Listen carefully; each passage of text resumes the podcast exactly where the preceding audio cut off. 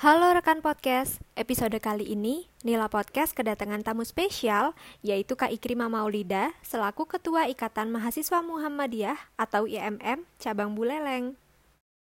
Ah. Oke, Assalamualaikum Kak Ikrima Waalaikumsalam, halo teman-teman Kenalin, aku Ikrima Hari ini aku jadi bintang tamunya Nila. bintang Oke, tamu bener banget. Oke, halo teman-teman. Uh, pendengar Nila Podcast. Jadi di episode pertama ini Nila lagi sama bintang tamu yang spesial banget. Cila. Spesial melebihi martabak Dia spesial. adalah Kak Ikrima.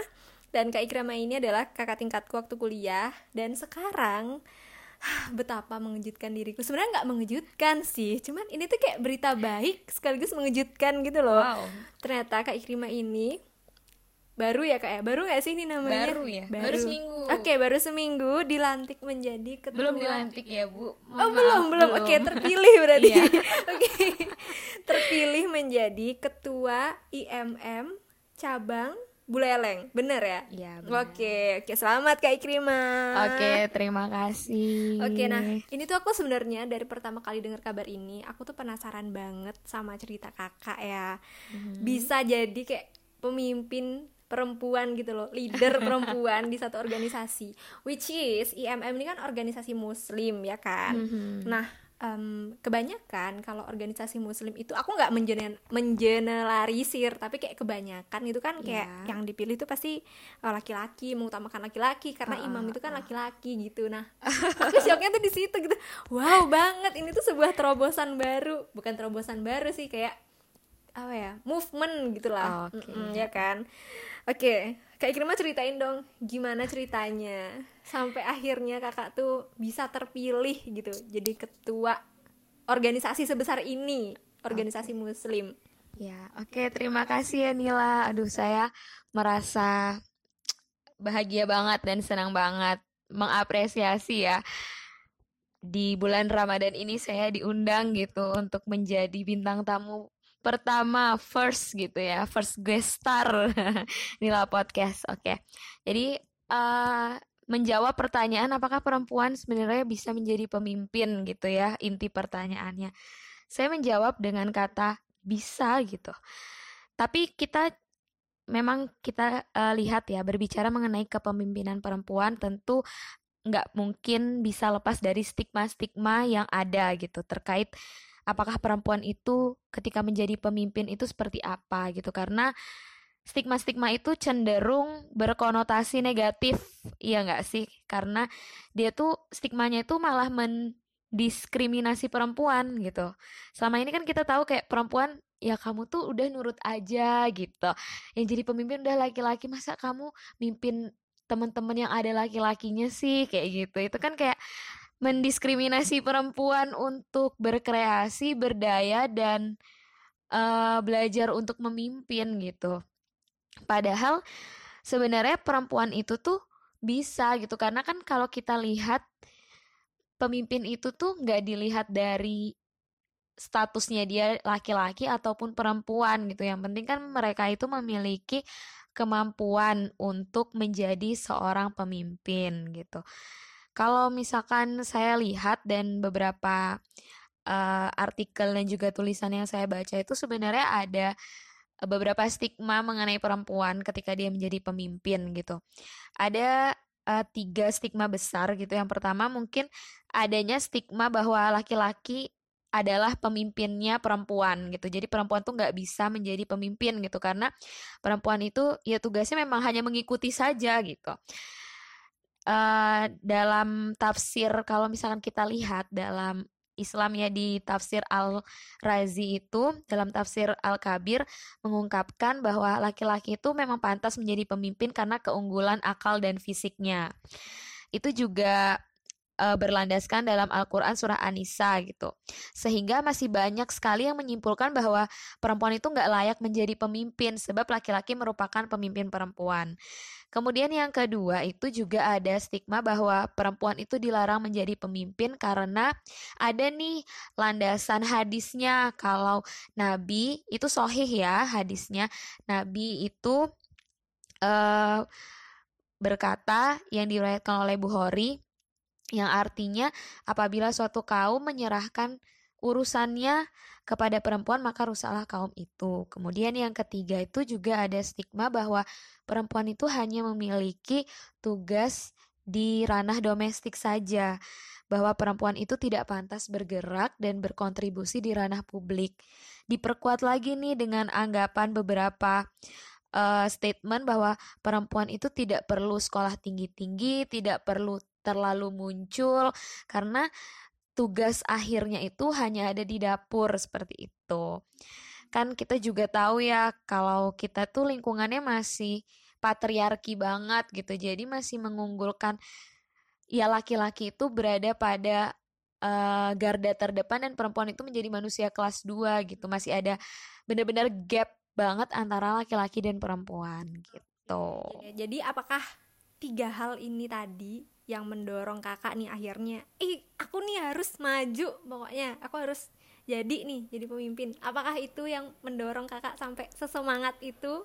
Um, tidak juga gitu karena uh, saya men saya ingin menjadi calon ketua waktu itu adalah ya kita ingin um, saya mempunyai visi dan misi untuk membuat IMM Buleleng lebih baik lagi gitu ya.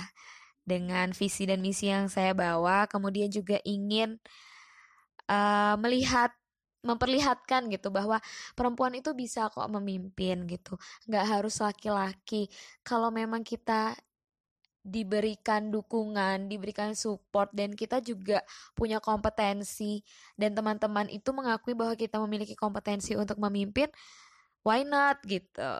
Kita coba untuk memimpin gitu karena perempuan siapa pun perempuan ataupun laki-laki ya sebenarnya dia adalah pemimpin gitu kan, pemimpin dirinya sendiri terlebih dahulu nih gitu. Oke, bener banget. Nah, terus nih aku dengar-dengar kakak waktu itu kayak bersaingnya itu sama cowok ya waktu itu ya? Masa sama laki-laki ya kan?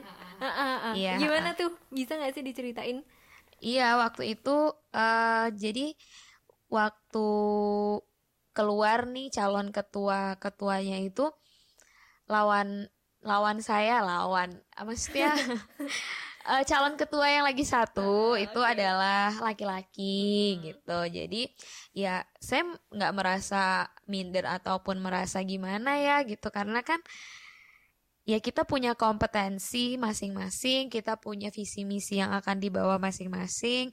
Dan saya yakin siapa pun yang nantinya terpilih itu yang akan membawa IMM Buleleng lebih baik lagi ke depannya gitu gitu. Oke, bener banget. Jadi intinya adalah uh, entah itu laki-laki atau perempuan, ketika kita mau jadi pemimpin, itu harus ada tujuan, harus ada visi dan misi, lalu juga harus ada kompetensi dari dalam diri kita sendiri, gitu ya. Iya, yang paling pertama adalah kompetensi dan keyakinan diri nih. Kalau misalkan kita memang bisa untuk memimpin gitu. Oke, bener banget kompetensi, bener banget. Nah, iya. Terus kakak uh, kasih dong tips buat teman-teman di luar sana, terutama teman-teman perempuan nih yang mungkin kayak masih maju mundur nih untuk jadi jadi pemimpin, mungkin mau jadi ketua ini, ketua itu tuh kayak eh iya nggak iya iya nggak iya gitu. Ada gak sih satu dua patah kata deh? Teman-teman uh, perlu diingat juga ya kalau misalkan kita dalam menafsirkan sesuatu baik berupa ayat ataupun hadis. Kalau misalkan kita bicaranya dalam konteks Islam ya, itu jangan langsung serta-merta ditafsirkan gitu.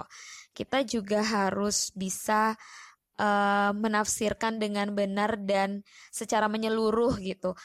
Dilihat dari beberapa aspek. Kalau misalkan di Islam tuh kita ada aspek bayani, burhani dan irfani. Jadi selama ini tuh penafsiran tentang Al-Qur'an maupun hadis itu dipengaruhi oleh situasi dan iklim politik yang patriarki gitu. Jadi terlalu mengunggulkan laki-laki gitu.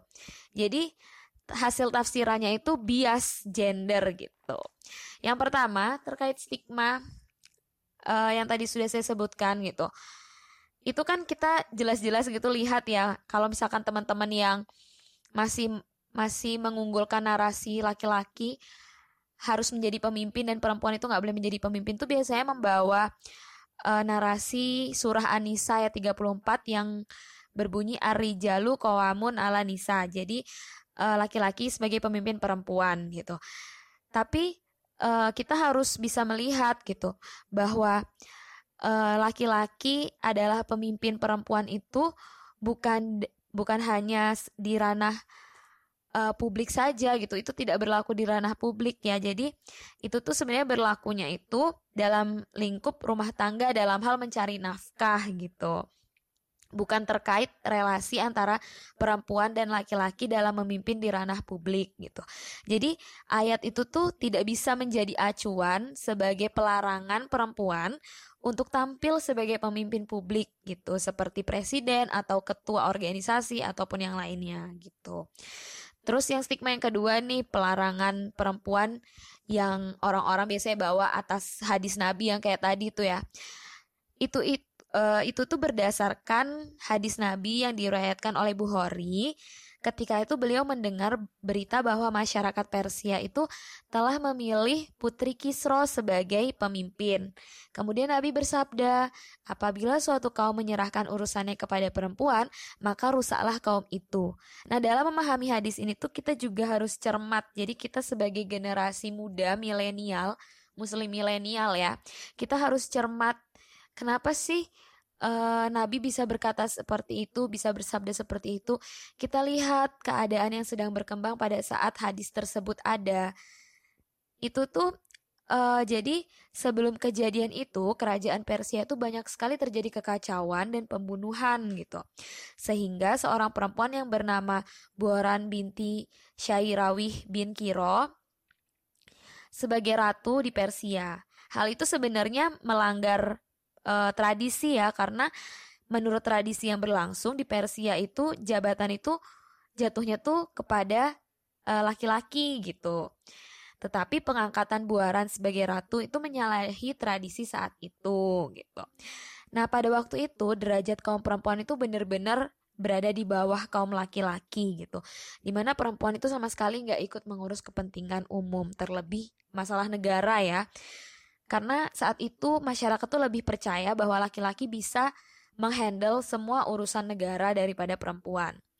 Nah, dengan setting sosial yang seperti itu, wajarlah jika seorang nabi dengan kearifannya yang luar biasa tinggi bersabda seperti uh, yang tadi saya sudah bilang gitu bahwa ketika perempuan diberi ketika semua urusan diberikan kepada perempuan maka rusaklah kaum maka rusaklah kaum tersebut gitu.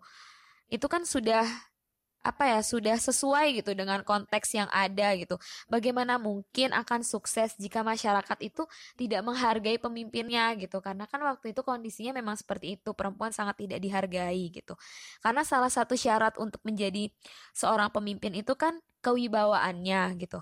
Sedangkan perempuan pada saat itu tidak memiliki wibawa untuk memimpin gitu. Hmm ya seharusnya kalau kita sudah berada di zaman yang sekarang ini tahun 2021 seharusnya seharusnya itu sudah tidak ada lagi pertanyaan apakah perempuan bisa menjadi pemimpin atau pemimpin itu nggak boleh dari perempuan hanya laki-laki. Sebenarnya itu udah nggak ada pernyataan ataupun pertanyaan seperti itu karena pemimpin itu kita lihat dari kualitasnya bukan dilihat dari jenis kelaminnya. Iya benar gitu. banget. Dan kayak kita sekarang nih udah udah punya banyak banget sosok perempuan sebagai pemimpin ya nggak sih kak? Ada bener banget bener. ada ibu menteri Susi Pujiastuti. Ha, benar banget. Terus ada ibu Ainun Habibi almarhumah ya, ya nggak sih? Itu tadi teman-teman yang bisa aku sama kak Ikrimah sampein. Nah um, buat teman-teman yang mau kenal lebih lanjut sama kak Ikrimah mungkin bisa di announce Instagramnya kak. Oke bisa follow ya Instagram aku Ikrima Maulida uh, A yang belakang itu double Ikrima Maulida A underscore. Oke, okay, Ikrima Maulida A underscore. Ya, Oke, okay, di situ juga Kak Ikrima sering banget ngeposting IGTV mengenai apa kak mengenai perempuan gitu ya, ya mengenai isu-isu terkini gitu jadi buat teman-teman ya. yang mau kenal lebih lanjut dan mau ngobrol sama kak Ikrima lebih dalam bisa cek langsung Instagramnya.